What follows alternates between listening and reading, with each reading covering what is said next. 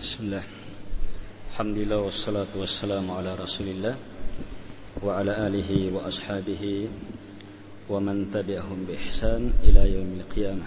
أما بعد فإن أصدق الحديث كتاب الله وخير الهدي هدي محمد صلى الله عليه وعلى آله وسلم وشر الأمور محدثاتها وكل محدثة بدعة وكل بدعة ضلالة وكل ضلالة في النار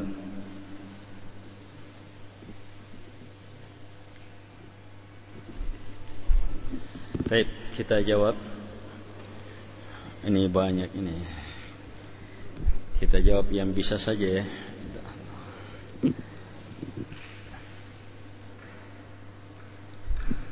Pertanyaan Assalamualaikum warahmatullahi wabarakatuh.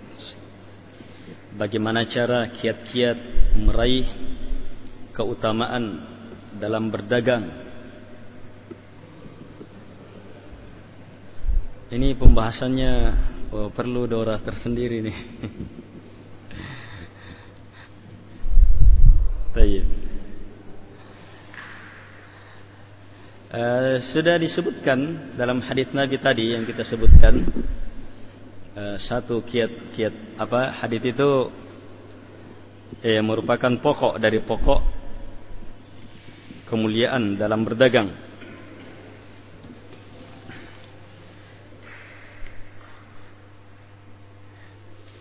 Yang pertama sebenarnya dalam berdagang kita harus tahu apa yang kita cari.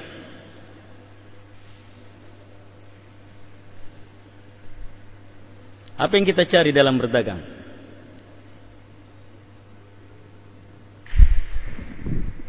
Iya. Cari uang. Kalau dagang beras, cari beras.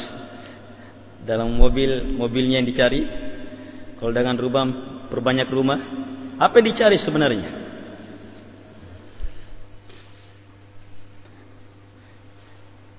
Kalau tidak terjawab ini, maka perdagangan selanjutnya tidak jelas arahnya.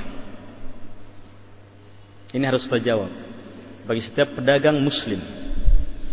Bagi setiap pedagang yang ingin sukses betul-betul sukses. Kalau dia tidak jawab ini,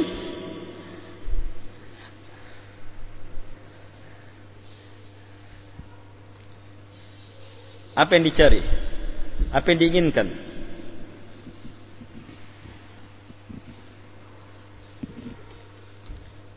Yang kita inginkan melalui perdagangan adalah kemuliaan, keutamaan, berkah dari Allah Subhanahu wa taala melalui hasil dagang.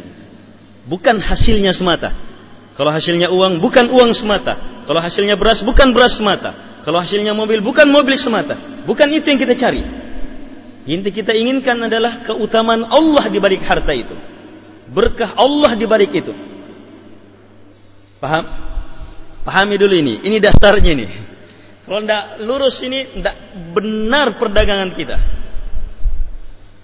Dagang apa pun. Yang halal ya. Dagang apa pun yang halal tidak akan benar.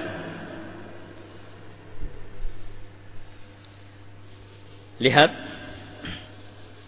Ketika kita haji.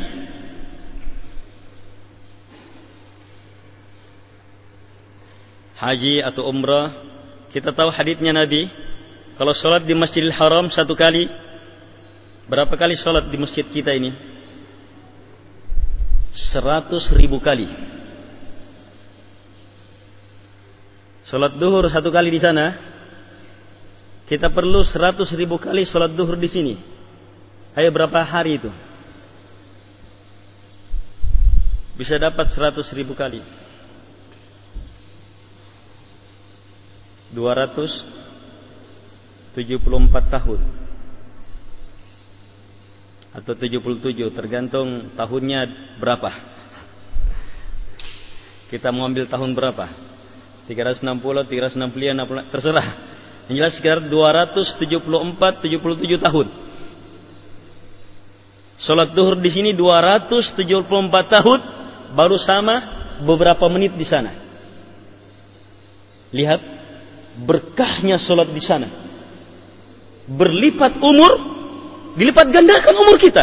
Beberapa menit itu dilipat gandakan menjadi ratusan tahun.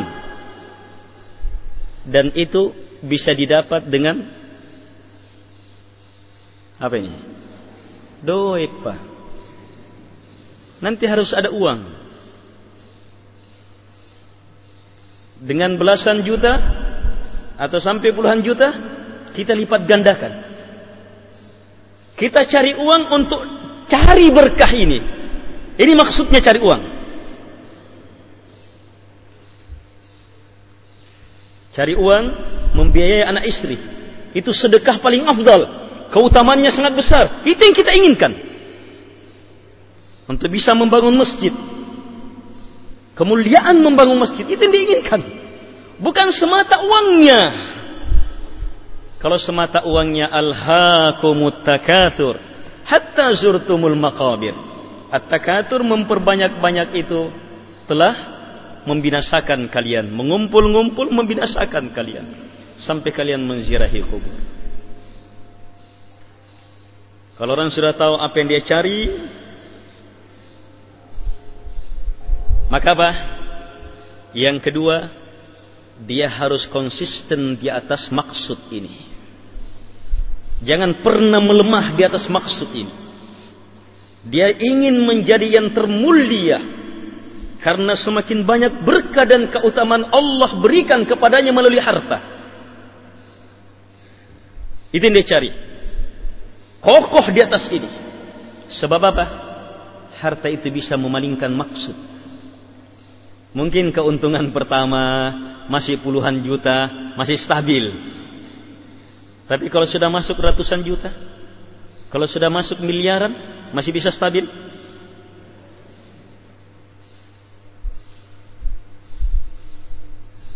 Nah ini, lihat. Harus kokoh di atas itu.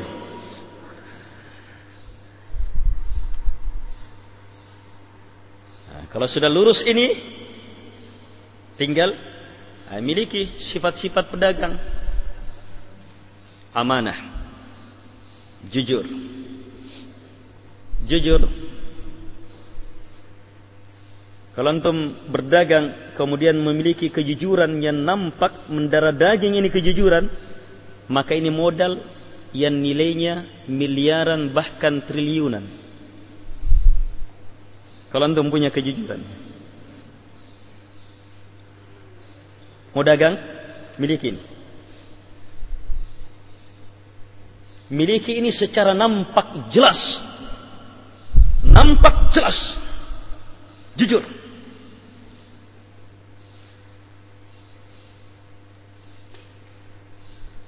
Ada teman, saya telah saya jelaskan, benar Ustaz. Saya, bos saya hanya melihat satu, jujur. Setelah itu apa? Setelah dia betul-betul percaya saya jujur, sudah. Miliaran itu Gampang saya pegang. Satu saja dilihat bosnya, jujur. Dia tidak lihat titelnya ininya, jujur. Jujur. Rahasia dagang sukses.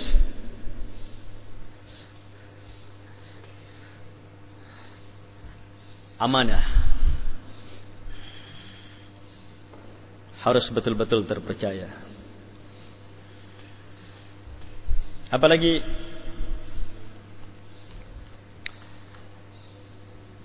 Cari waktu-waktu berberkah. Di antara waktu yang sangat berberkah adalah sehabis sholat subuh. Mau bekerja, mau berusaha, mulai di situ. Itu waktu berkah. Seorang sahabat pernah menjelaskan rahasia keberhasilan perdagangannya. Apa katanya? Apa yang didapatkan dari Nabi? Setiap saya mempersiapkan rombongan dagangan saya, itu sehabis sholat subuh. Itu waktu berkah.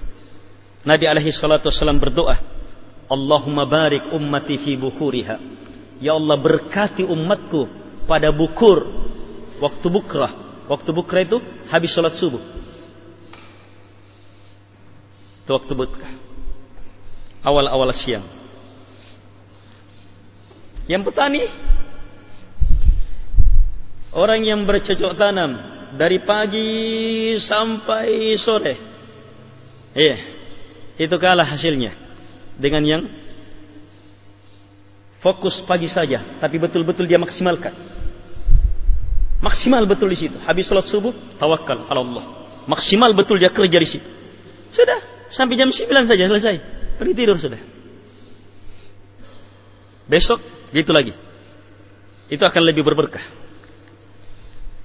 Sisa waktunya dia bisa manfaatkan untuk anak istrinya, untuk ini, untuk pandai memanfaatkan waktu berkah. Waktu berkah yang paling itu ada tiga. Habis sholat subuh, habis sholat asar, dan beberapa saat sebelum waktu subuh. Kalau beberapa saat sebelum waktu subuh, ih bagus di situ berdoa, ya doa. Saya ada orang pedagang di situ. Berdoa di situ untuk berkahnya dagangan kita. Antum berdoa di situ beberapa menit di waktu itu itu lebih dahsyat hasilnya daripada 24 jam antum terus berdoa. Sebab apa? Antum memanfaatkan waktu yang maksimal, pas betul.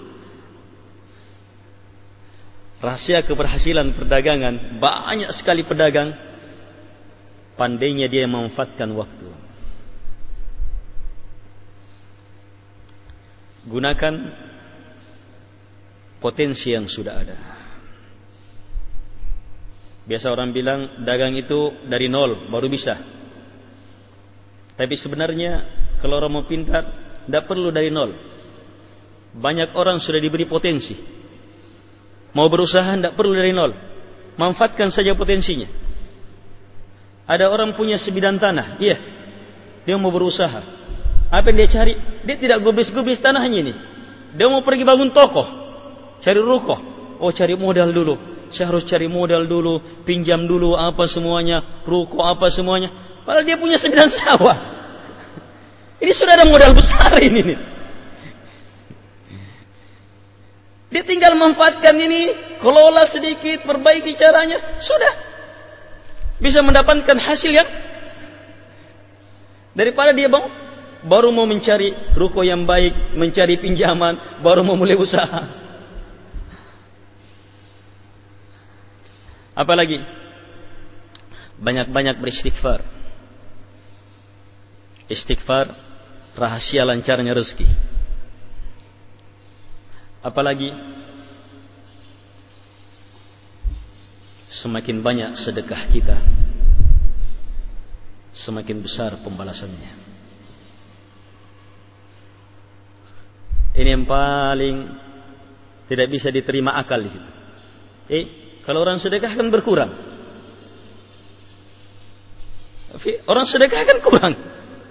Tapi ternyata di di situ rahasia berlipat-lipatnya perdagangan itu. Benar. Tidak usah ragukan itu. Antum tinggal praktekkan. Tapi sedekahnya bukan cari uang. Sedekahnya itu tadi asalnya. Lihat asal tadi itu. Sedekah cari berkah. Dapatkan akhirat, kebaikan di sisi Allah Subhanahu wa taala.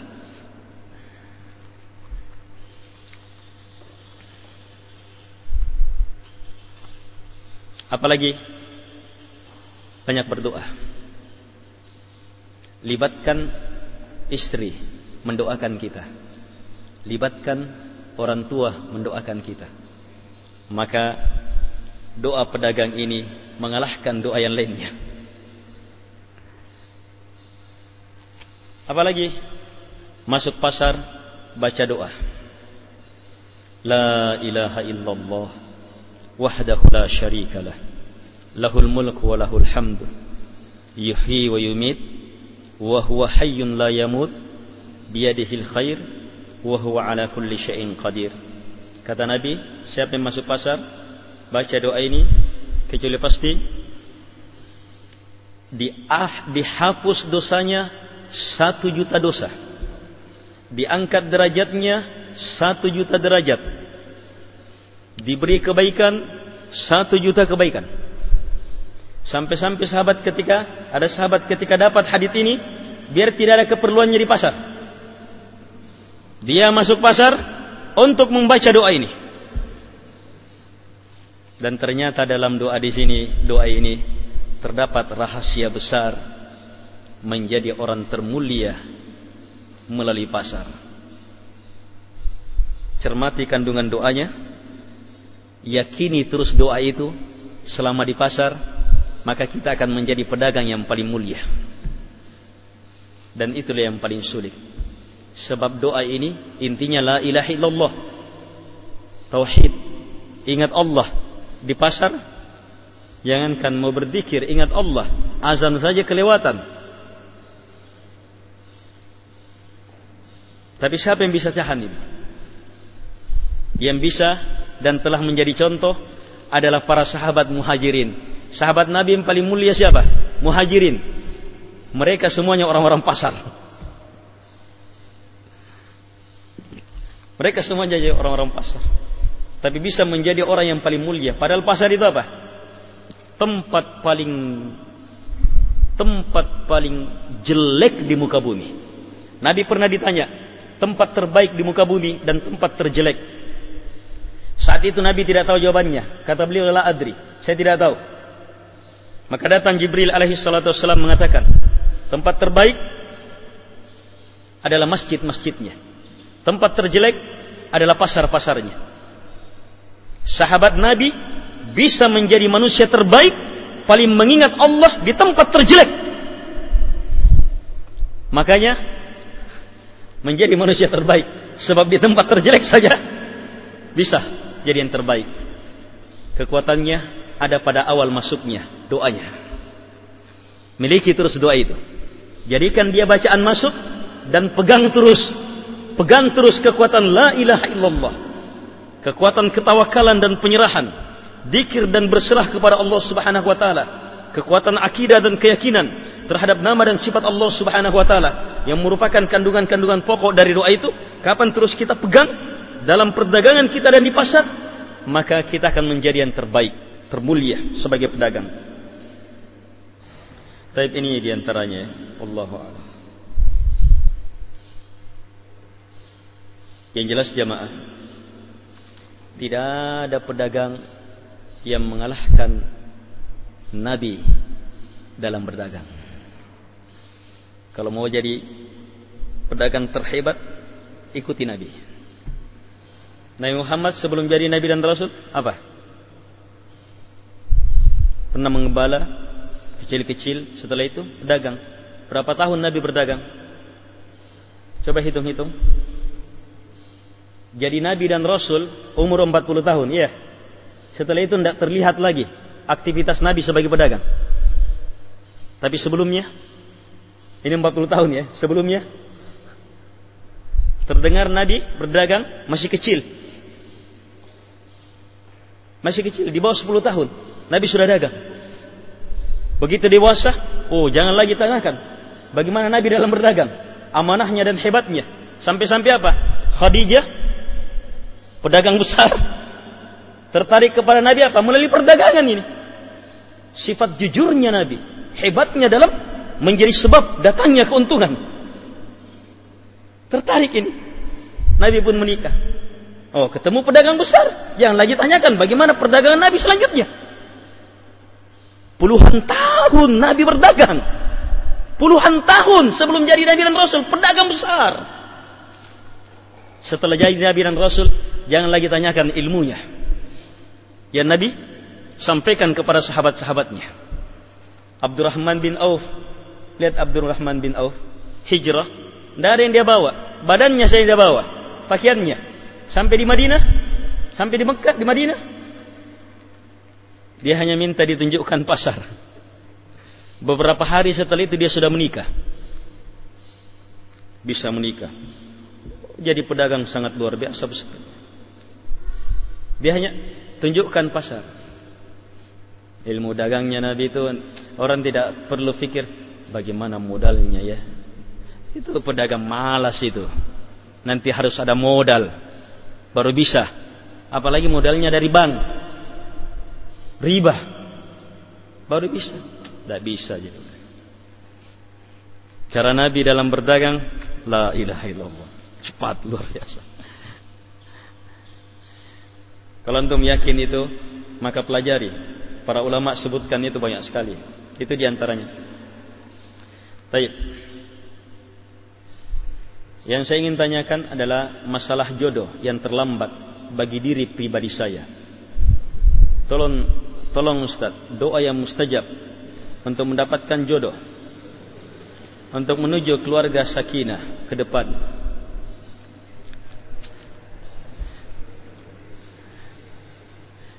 Jodoh Jodoh itu hanya lima huruf J O D O berulang lagi Ha, kenapa susah sekali sama jodoh? Padahal lima huruf saja.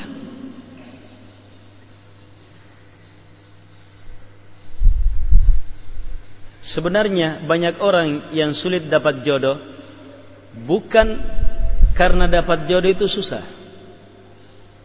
Masalahnya dia yang belum siap untuk berjodoh.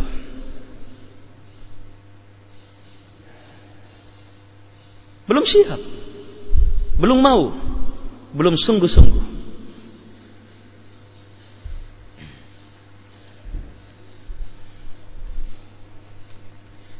Siapa yang mau betul-betul mau? Yang jujur betul-betul jujur. Kalau dia mau betul-betul mau, jujur betul-betul jujur. Tinggal dia buktikan jujur kepada Allah, doa kepada Allah. Hari itu juga dia bisa langsung nikah. Ya Ustaz urusan anunya surat-suratnya ya ya tambah berapa hari lah dengan urusan surat-surat.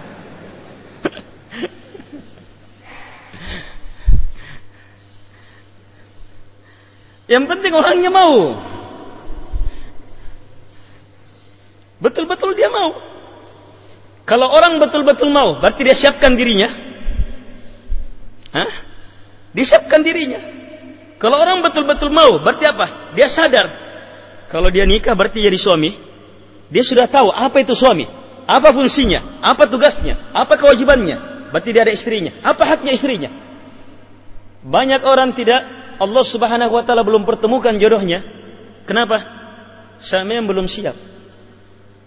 Dia hanya mau. Mau berjodoh. Mau menikah. Mau merasakan nikmatnya. Suami istri. Iya. Tetapi apa? Dia tidak mau memahami apa kewajiban suami. Dia tidak mau memahami apa haknya istri. Berarti apa? Kalau dia belum mau tahu itu berarti belum jujur. Belum benar-benar mau. Karena baiknya Allah, Allah tahan dulu. Sebab kapan Allah jadikan baik sementara dia belum sadar, maka keluarganya akan jadi apa? Rumah tangga ini akan hancur. Justru karena baiknya Allah ditahan dulu. Sama dengan pedagang, dagang-dagang, tidak kaya-kaya, tidak bertambah, tidak bertambah. Jadi kaya itu gampang sekali. Iya betul. Kalau sekedar mencari uang terlalu gampang. Ya. Yang masalahnya Ya, masalahnya adalah apakah kita siap menjadi orang kaya?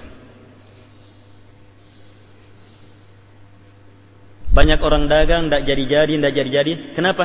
Allah lihat dia belum siap jadi orang kaya. Kapan Allah jadikan kaya dia, langsung tinggalkan masjid. Allah tahu, kamu pasti langsung tinggalkan masjid. Kamu pasti akan durhaka sama ibumu sudah. Kamu pasti tidak mau membaca Al-Quran lagi sudah. Lupa sudah. Karena Allah tahu, makanya apa? Tidak dikasih. Dikasih seadanya saja. Yang bisa dengannya, dia semakin dekat. Tetap dekat kepada Allah subhanahu wa ta'ala. Karena maha baiknya Allah, Allah tahan. Makanya kata orang, pantaskan diri dulu.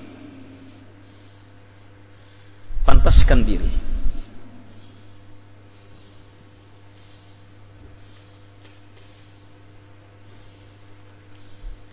usaha disertai dengan doa. Jadi berusaha dulu. Antum mau doa mustajabah? Biar doanya doa-doa hebat. Tapi kalau memang belum pantas, tidak bersungguh-sungguh, pantaskan dulu diri. Saya memang pantas jadi suami. Sudah tahu tidak apa kewajiban saya kalau jadi suami? Kalau saya punya istri, saya harus apa ini istri? Apa yang saya harus penuhi? Pelajari itu, tahu diri, pantaskan diri, siapkan diri, berdoa kepada Allah, diterima itu. Banyak orang oh bilang oh doa itu bagus. Benar doa. Tapi yang Allah kabulkan yang betul-betul mau. Alihwa rahimakumullah. Kalau memang sudah betul-betul mau menempuh sebab-sebab, dia pelajari, dia persiapkan diri, maka tidak ada doa khususnya untuk dapat jodoh. Minta saja. Antum buat sendiri. Caranya membuat doa. Caranya membuat doa.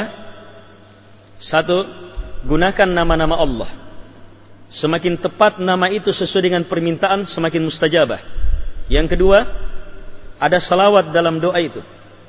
Yang ketiga, pilih waktu yang paling mustajabah sepertiga malam terakhir antara azan dan qamat sore Jumat saat-saat berbuka dalam perjalanan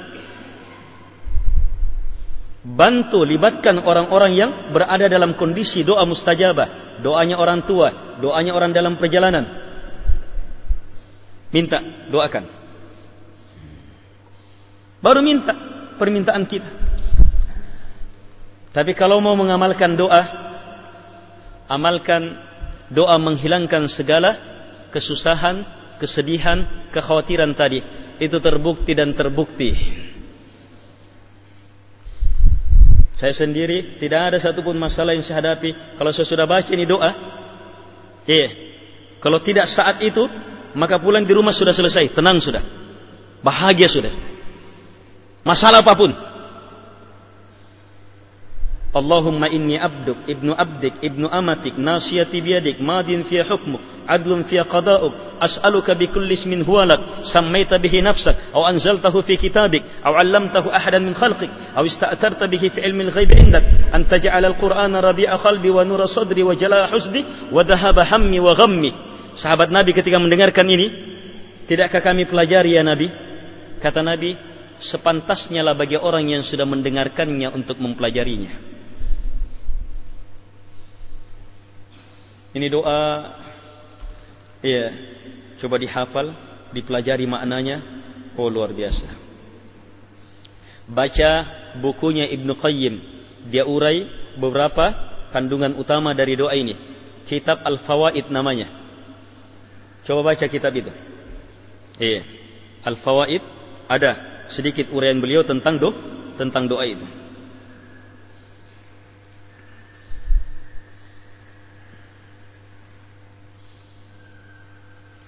Jika suatu permasalahan rumah tangga, istri pergi meninggalkan rumah suaminya sampai tahun lebih, tidak pernah lagi serumah. Istri menuntut cerai, tapi suami enggan menceraikan istrinya.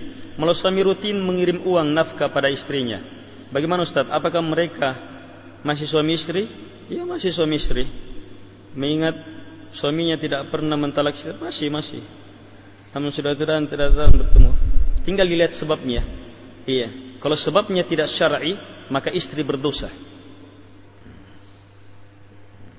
Tapi kalau sebabnya sebab-sebab syar'i, ah, maka suami ini harus melihat dirinya apa sebabnya. Sebagian masalah harus diselesaikan tuntas di depan pengadilan.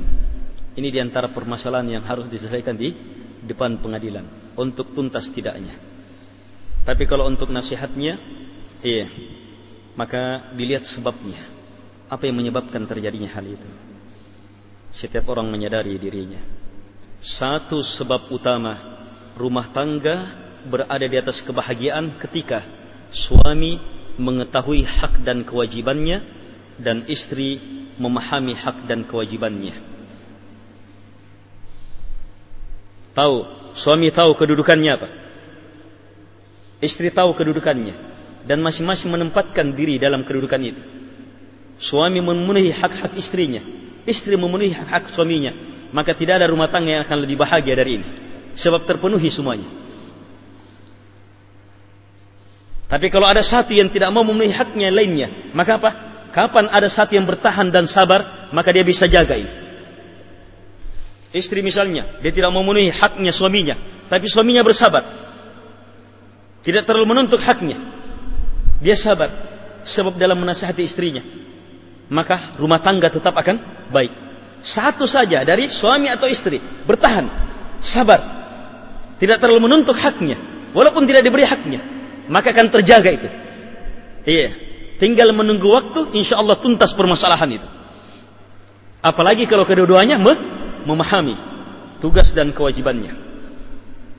Seseorang yang sebelum meninggal berkeinginan untuk menyisihkan sebahagian penghasilan setiap bulan untuk pembangunan masjid atau yayasan. Apakah bisa pewaris atau istri melanjutkan keinginannya dan apakah pahalanya tetap iya kalau keinginan ini terucap terucap, diinginkan, diniatkan kuat, maka dia termasuk perkara yang harus dipenuhi oleh ahli waris. Tetapi setelah Taib. Justru ini yang pertama dikeluarkan dulu, masuk dalam kategori yang pertama dikeluarkan sebelum dibagi ke ahli warisnya. Selama hal ini tidak melebihi sepertiga dari hartanya. Sebab ini masuk dalam kategori wasi, wasiat. Tidak melebihi sepertiga dari hartanya.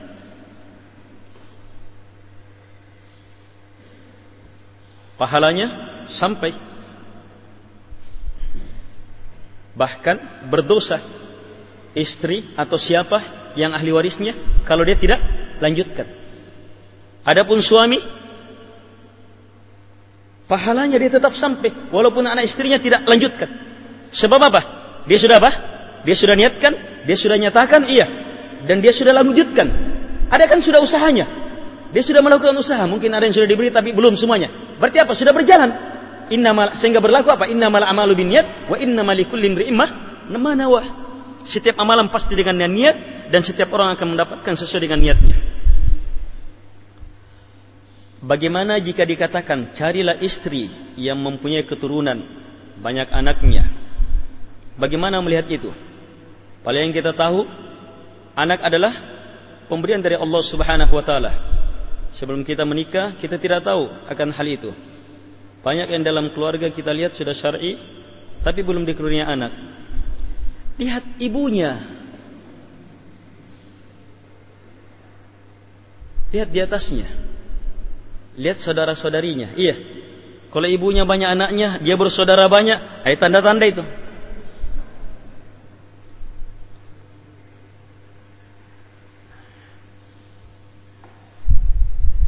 Baik. Apa sebenarnya tanggung jawab istri? Kenapa mayoritas ikhwah yang sudah paham akan ilmu tidak mempercayakan uang belanja kepada istri? Istri mau beli ini dan itu, belanja harian, minta ke suami. Ada kembalian store ke suami. Semuanya dirinci ini dan itu. Istri protes, katanya istri tidak sami'na wa ta'na. Apa memang seperti itu sesuai dengan tuntunan rumah tangga Rasulullah alaihi salatu wassalam. Tidak harus seperti itu. Justru kalau suami masih tidak bisa seperti itu, iya, berarti istrinya yang apa-apa. Kenapa suaminya belum mau percaya? Kenapa suaminya belum mau percaya? Dua kemungkinan. Istrinya memang tidak bisa dipercaya. Atau Suami memang yang susah percaya orang. Dan dua perkara ini penyakit. Suami percayakan sama istrinya. Berapa keperluan sebulan? Nah, ini. Kita bisa kelola, bantu, tuntun dia.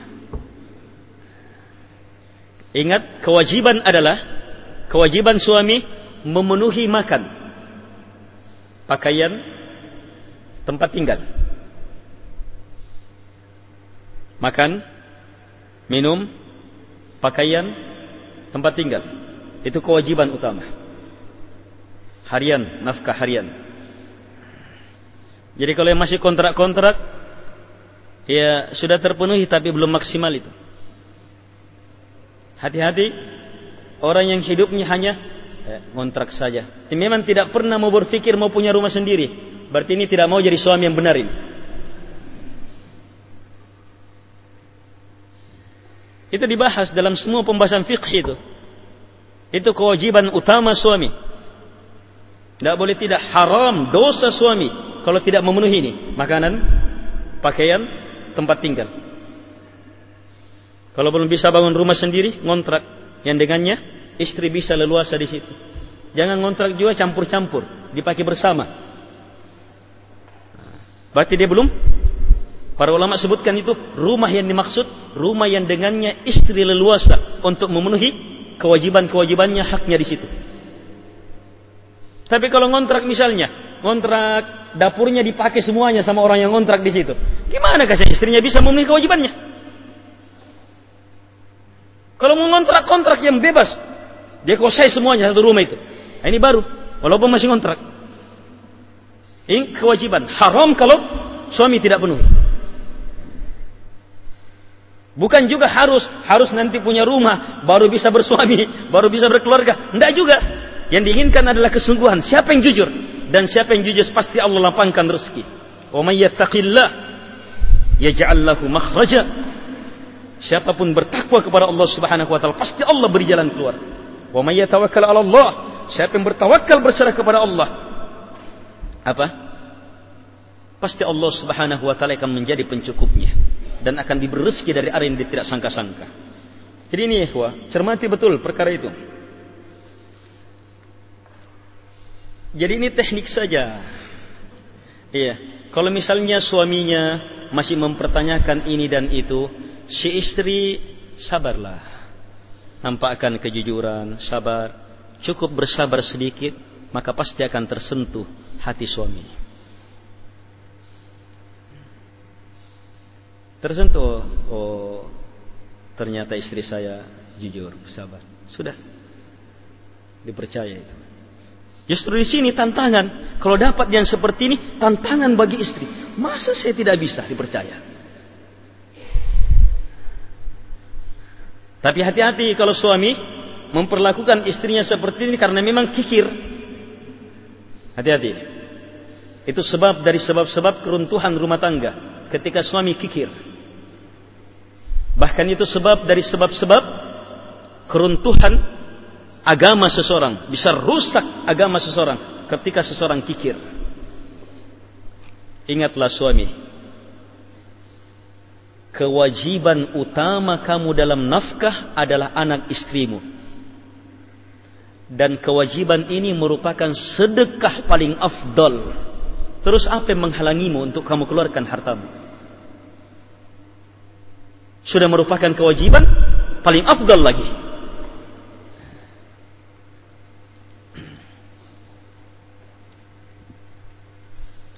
Apa hukumnya seorang wanita Islam menikah dengan orang kafir? Batal pernikahannya. Batal. Diceraikan di pengadilan atau tidak, terceraikan sendiri. Batal pernikahannya. Atau sama-sama muslim, kemudian suaminya murtad, batal pernikahannya. Batal pernikahannya.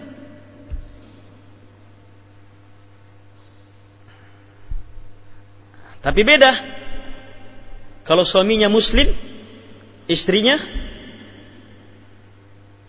orang kafir, Nasara atau Yahudi. Bisa dua ini. Nasara atau Yahudi. Itu dibenarkan dalam Islam.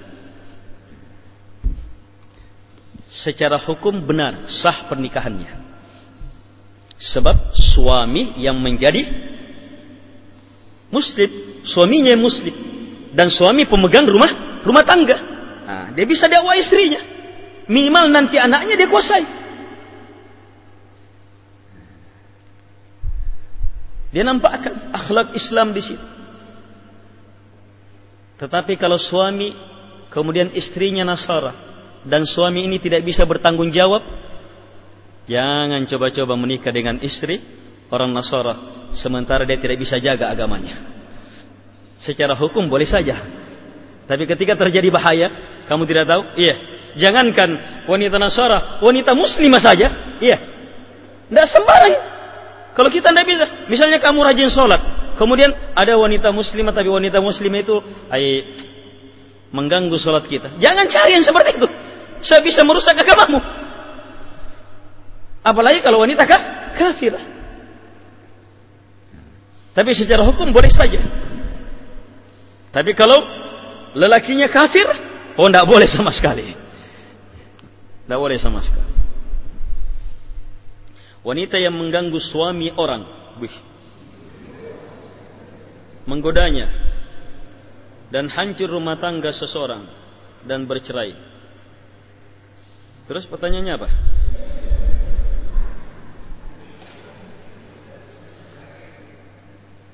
Oh, hanya berita Ya, banyaklah berita seperti itu. Kalau pertanyaannya, woi wanita bahaya semacam ini. La ilaha illallah. Doa untuk mendapatkan anak soleh.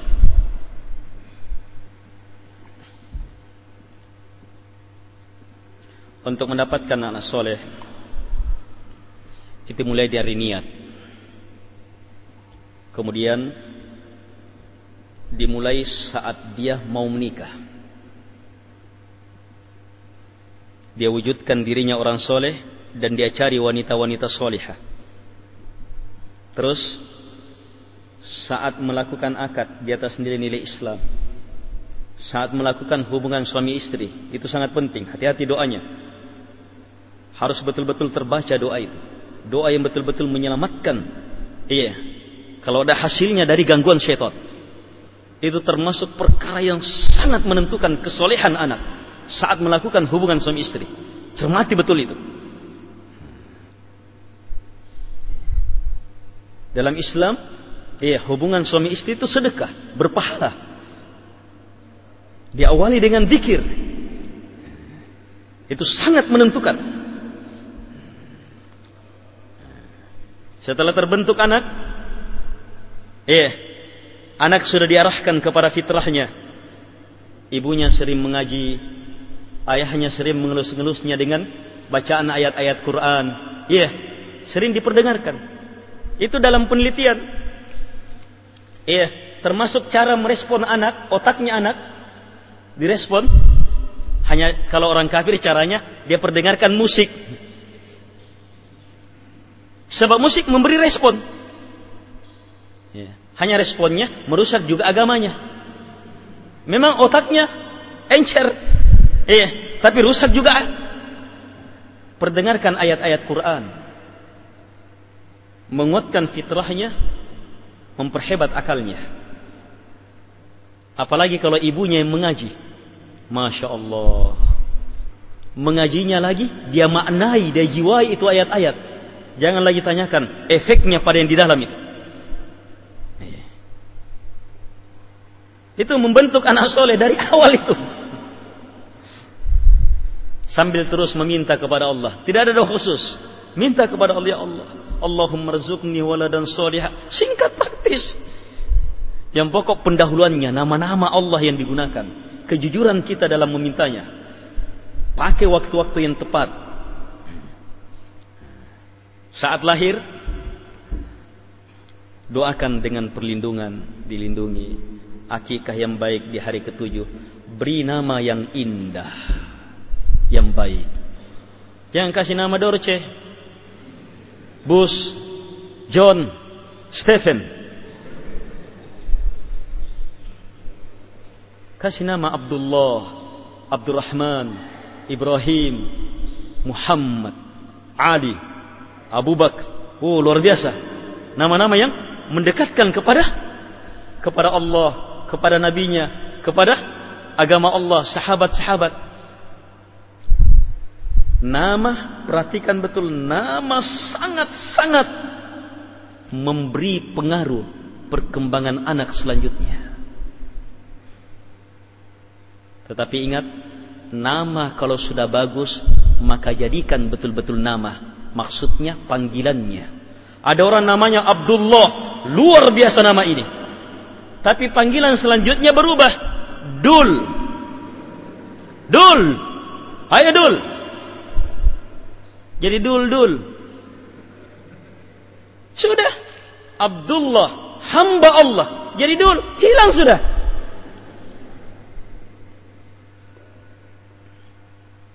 Namanya Luqman. Yeah. Jadi luku. Di Bugis ya, di Bugis tuku. Jadi nama kalau sudah bagus, jadikan nama. Jadikan dia syiar, panggilan. Abdullah. Setiap kita panggil, kita diingatkan dan kita doakan anak kita supaya jadi Abdullah betul. Itu yang diinginkan dari penamaan. Dan ingat, ini sangat memberi pengaruh dalam hidup anak. Jangan sepelekan ini, sangat menentukan.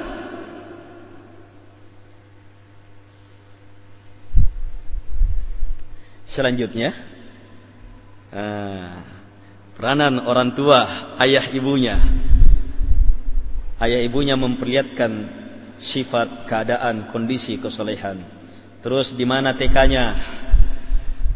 Di mana SD-nya atau pesantrennya, lihat suasananya, perkembangan anak. Itu yang pokok, diiringi dengan terus meminta pertolongan kepada Allah Subhanahu wa taala. Bagaimana dengan laki-laki, wanita yang belum menikah, terus dia meninggal dunia? Dia meninggal dunia selesai. Kalau tidak sempat nikah, Tidak ada aja, tidak, tidak, tidak dos aja juga. Ya bagaimana kalau belum dapat?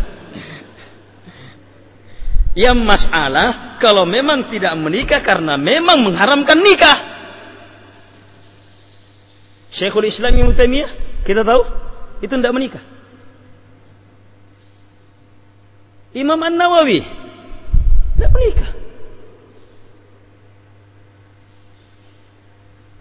Kenapa? Oh zaman itu betul-betul orang yang menyerahkan hidupnya untuk agama. Banyaknya musuh dalam berbagai bentuk. Syekhul Islam Ibnu Taimiyah di zaman itu luar biasa. Banyaknya kesesatan dalam berbagai bentuknya. Ada yang selain Islam, ada yang dari kelompok-kelompok Islam. Dia hadapi semuanya. Dia jelaskan semuanya. Dia bantah seluruhnya. Keluar masuk penjara karena itu. Dia tidak peduli. Datang bangsa Tatar berperang. Dia lagi panglima perangnya kaum muslimin. Begitu difitnah sama ulama-ulama jahat, dia masuk penjara. Begitu dia dibenangkan, kalau dia bilang dibunuh, bunuh, dibunuh itu ulama. Tapi justru dia maafkan. Habis beliau dalam kehidupannya, tidak sempat menikah. Berdosa?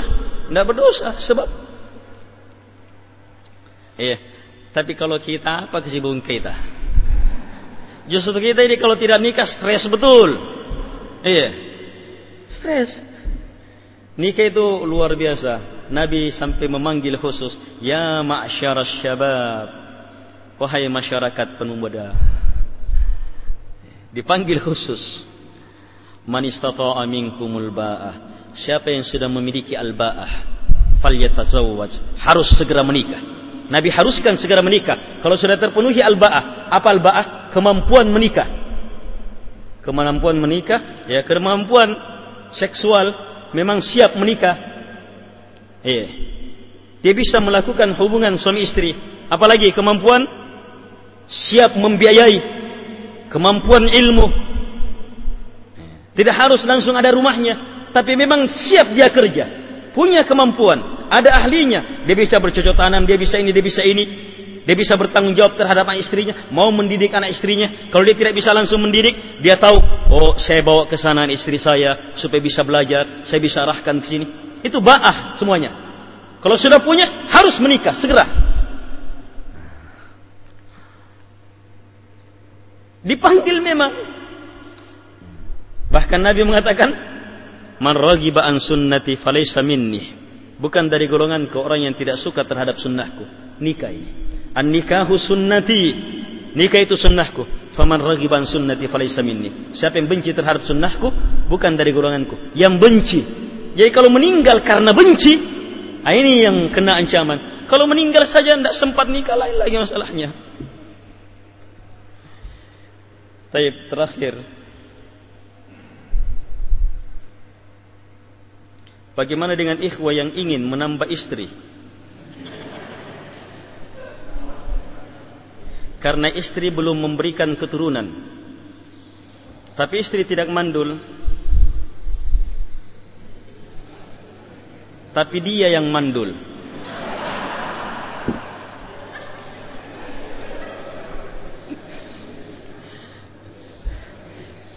Istrinya sakit hati.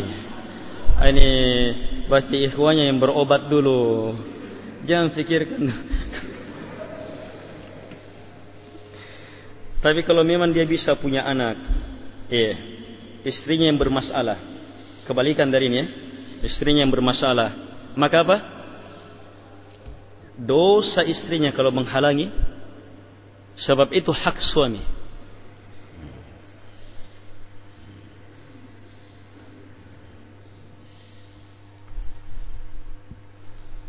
Kalau suami seorang lelaki tahu dirinya tidak bisa memberi turunan, itu termasuk perkara yang yang saya pahami itu harus diungkap dalam saat proses pelamaran.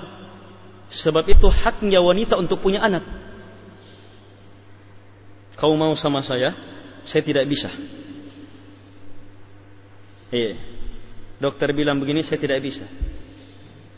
Supaya jadi pertimbangan. Saya itu haknya anak. Apalagi di antara apa? Tujuan, maksud apa? Waladun soleh. Kita mencari waladun soleh. Yada'ulah. Ini mengalahkan dunia beserta segala isinya. Anak soleh yang mendoa. Mendoakan.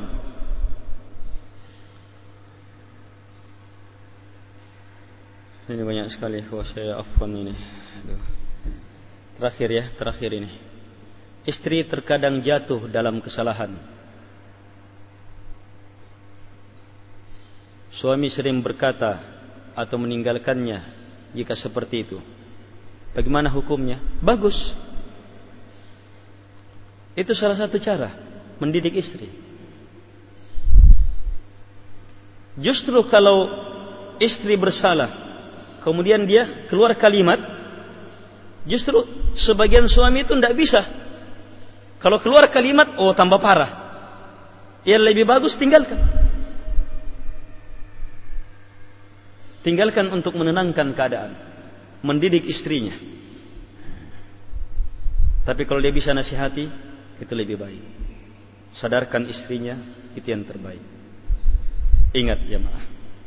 Khusus suami. Allah, Nabi alaihi salatu wassalam bersabda, Istausu bin nisa'i khaira. Nasihati wanita dengan cara yang paling baik.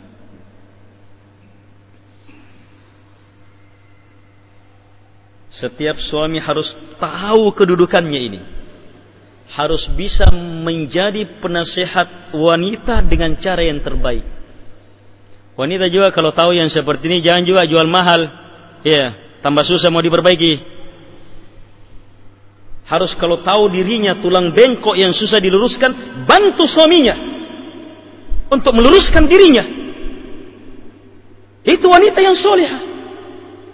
Jangan Ya memang saya dari tulang bengkok. Pantas kalau saya sering marah-marah. Pantas kalau saya begini. Itu cari masalah namanya. Harusnya cara berpikir yang benar. Kalau tahu dirinya seperti itu. Iya. Bantu suaminya. Iya. Bisa menjadi yang terbaik. Dan suami kalau tahu wanita seperti itu.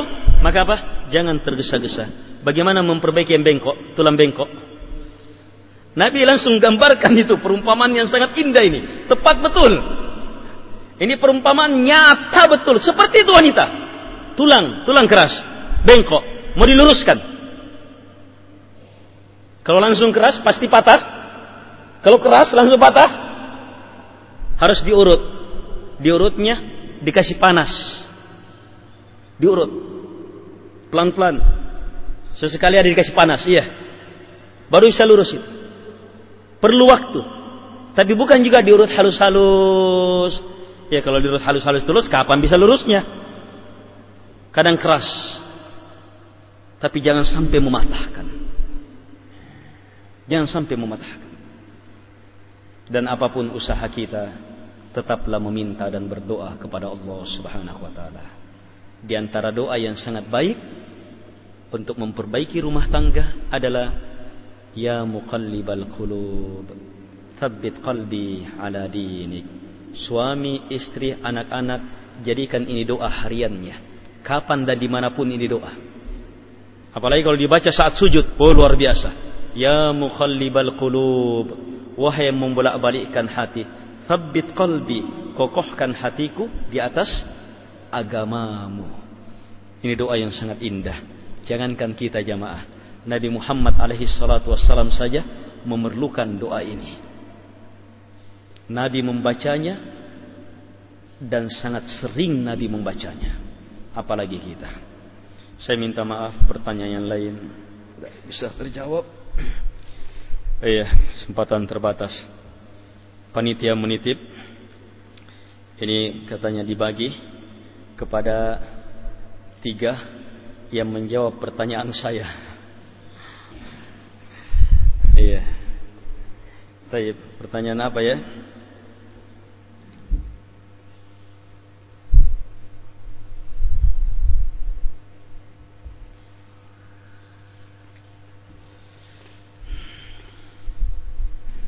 Pertanyaan pertama.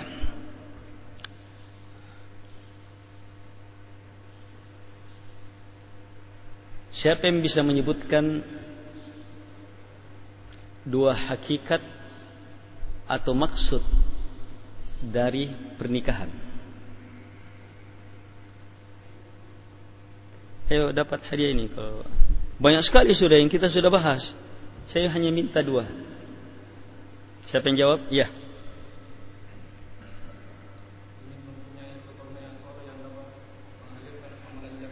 Baik. Baik. Masya Allah. Ahsanta. Pertanyaan kedua. Pertanyaan kedua.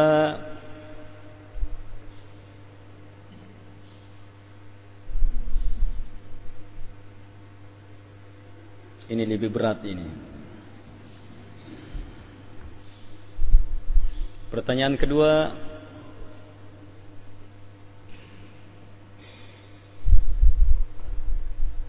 Bagaimana mewujudkan sakinah di tengah rumah tangga dengan Al-Quran.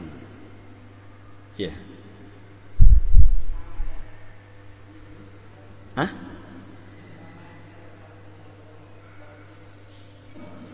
Iya. Apa tadi yang pertama? Hah?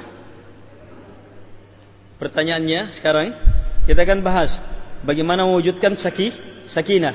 Iya, di antaranya apa? Ayat-ayat Al-Qur'an, Al-Quran, hadis-hadis Nabi. Iya. Nah, sekarang bagaimana mewujudkannya? Bentuk mewujudkan sakinah di tengah rumah tangga melalui ayat-ayat Al-Quran. Nah, itu yang utama. Berpedoman dengan pedoman Al-Qur'an. Al-Quran. Praktis. Iya. Dan itu intinya. Walaupun urainya sangat banyak. Jadikan orang-orang ini dalam pintar membaca Al-Quran. Sering membaca Al-Quran. Yang terdengar di rumah itu kalau kita jalan, ih orang mengaji. Jadikan ada majelis Al-Quran di situ.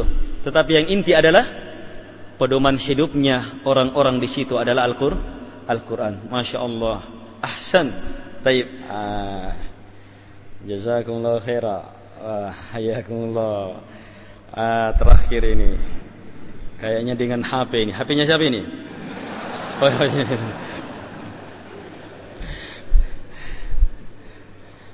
Taib, yang terakhir.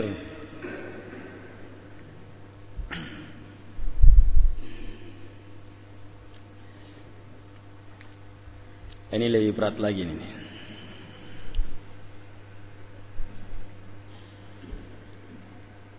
Di antara kekuatan sakinah yang terdahsyat di tengah rumah tangga adalah dengan berla ilaha illallah. Ibu yang berla ilaha illallah, ayah yang berla ilaha illallah, anak yang berla ilaha illallah, rumah yang berla ilaha illallah. Bagaimana bentuk berla ilaha illallah ini? Ini perlu pikiran sedikit. Ayo tinggal satu. Ah ya.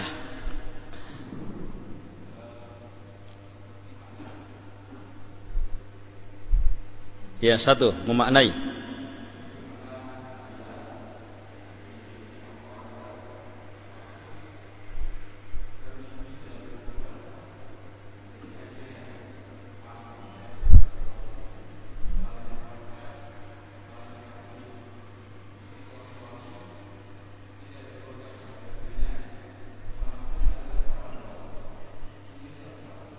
Masya Allah.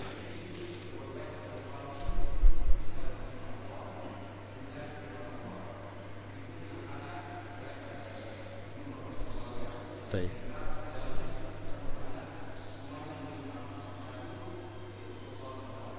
Baik, Masya Allah. La ilaha illallah.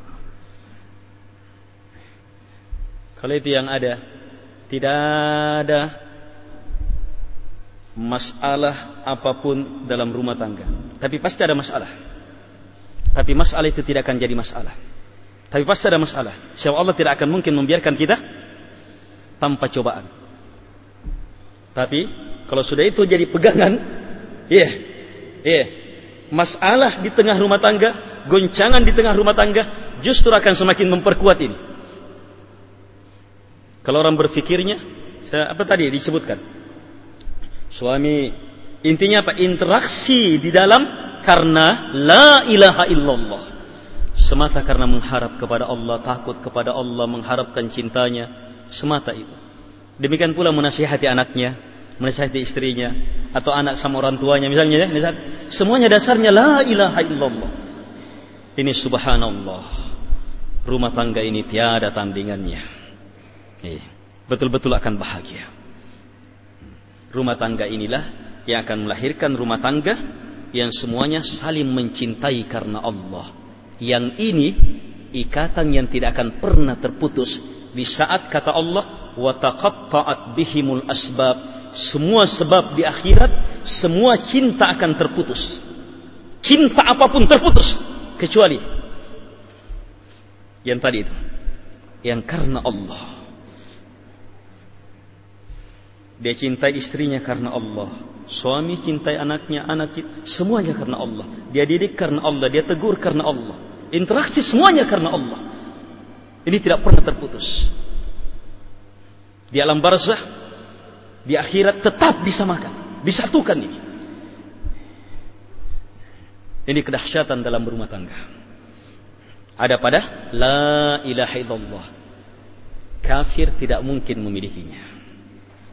Kalaupun orang kafir ada rumah tangganya, ya tenang-tenang, itu tenang-tenang sesaat. Begitu ada masalah di situ, bisa tiba-tiba meledak ini hancur. Bisa tiba-tiba meledak hancur. Iya, rusak. Sesaat saja itu. Tapi kalau orang miliki la ilaha illallah, dunia alam barzah akhirat. Dan saya bisa tutup bahwa hakikat dari semua sakinah itu berawal dari kekuatan di atas la ilaha illallah.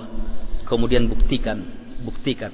Pembuktian ini itulah pembuktian Al-Quran hadith-hadith Nabi. Semua perwujudannya di atas la ilaha illallah. Maka tidak ada orang yang lebih tenang dari itu. Itu orang yang paling tenang. Kalimat ini saja kalau orang pahami sebagaimana yang disebutkan tadi sekilas sebagaimana yang disebutkan tadi saat dia galau betul mendapat berita yang paling menyakitkan sekalipun dia tenangkan dirinya dia baca la ilaha illallah dengan makna tadi sirna itu saat itu juga sirna Tidak ada yang mengalahkan dahsyatnya kalimat ini. Hanya perlu ilmu. Dan ilmunya orang dalam la ilaha illallah ini tidak ada habisnya. Yakinilah, berapapun hebatnya kita dalam la ilaha illallah saat ini, ada lagi di atasnya. Kita dapat di atasnya, ada lagi di atasnya. Dapat di atasnya, ada lagi di atasnya. Dapat di atasnya, ada lagi di atasnya. Tidak ada habisnya. Tetapi maknanya tidak pernah berubah. Tolak semua yang disembah selain Allah dan tetapkan hanya Allah Subhanahu wa taala. Jangan pernah ada yang paling dicintai, paling diharapkan, paling ditakuti, puncak keinginan kita selain Allah. Jadikan Allah seterusnya. Tetapi ini maknanya. Tetapi bertingkat-tingkat. Sebab cinta berjenjang-jenjang. Harapan berjenjang-jenjang. Takut berjenjang-jenjang. Dan kalau kita ingin menjaga ini, jujurlah dalam membaca suratul Fatihah. Apalagi saat berdiri di hadapan Allah. Alhamdulillahi Alamin. Itu pernyataan cinta. Ar-Rahmanir Rahim. Itu pernyataan harapan. Malik Yaumiddin. Di situ pernyataan takut. Sebab Alhamdu dalam bahasa Arab. Pujian karena cinta. Ar-Rahman Ar-Rahim. Maha merahmati. Ini jelas. Tidak mungkin kita mengharap kecuali dasarnya rahmat. Semakin kita yakini Allah Ar-Rahman Ar-Rahim, semakin dahsyat itu harapan, semakin murni. Kalau kita lanjutkan dengan Malik Yawmiddin, penguasa hari pembalasan, takut di situ. Nanti setelah tiga ini baru bisa masuk pada la ilaha illallah. Mana la ilaha illallah? Iyyaka na'budu. Hanya kepadamu ya Allah kami beribadah, tidak kepada selainnya. Wa iyyaka nasta'in dan hanya kepadamu kami minta pertolongan, tidak kepada selainnya. Kalau kita lolos semua di sini, maka kita berhak mendapatkan ayat selanjutnya. Ihdinas siratal mustaqim, hidayah. Kata Allah setelah kita baca ayat ini, walil abdi masa'al untuk hamba apa yang dia minta. Baik, semoga bermanfaat. Dan ini afan hampir lupa. Jazakum khairan. Saya minta maaf kalau ada hal-hal yang kurang berkenan. Uh, terima kasih sebesar-besarnya kepada panitia yang telah mengundang, terkhusus kepada bapak-bapak jamaah pengurus masjid, ya, Al-Markas Al-Islami ini atas izin dan perkenaan yang diberikan kepada kami. Semoga Allah membalasnya dengan kebaikan berlipat dan menjadikannya sebagai tambahan amalan kita untuk persiapan hidup yang sebenarnya hidup di negeri akhirat. Sekian wabillahi taufik wal hidayah. Sallallahu Muhammad wa alihi wasallam. Wa akhiru da'wana alhamdulillahi rabbil alamin. Wassalamu alaikum warahmatullahi wabarakatuh.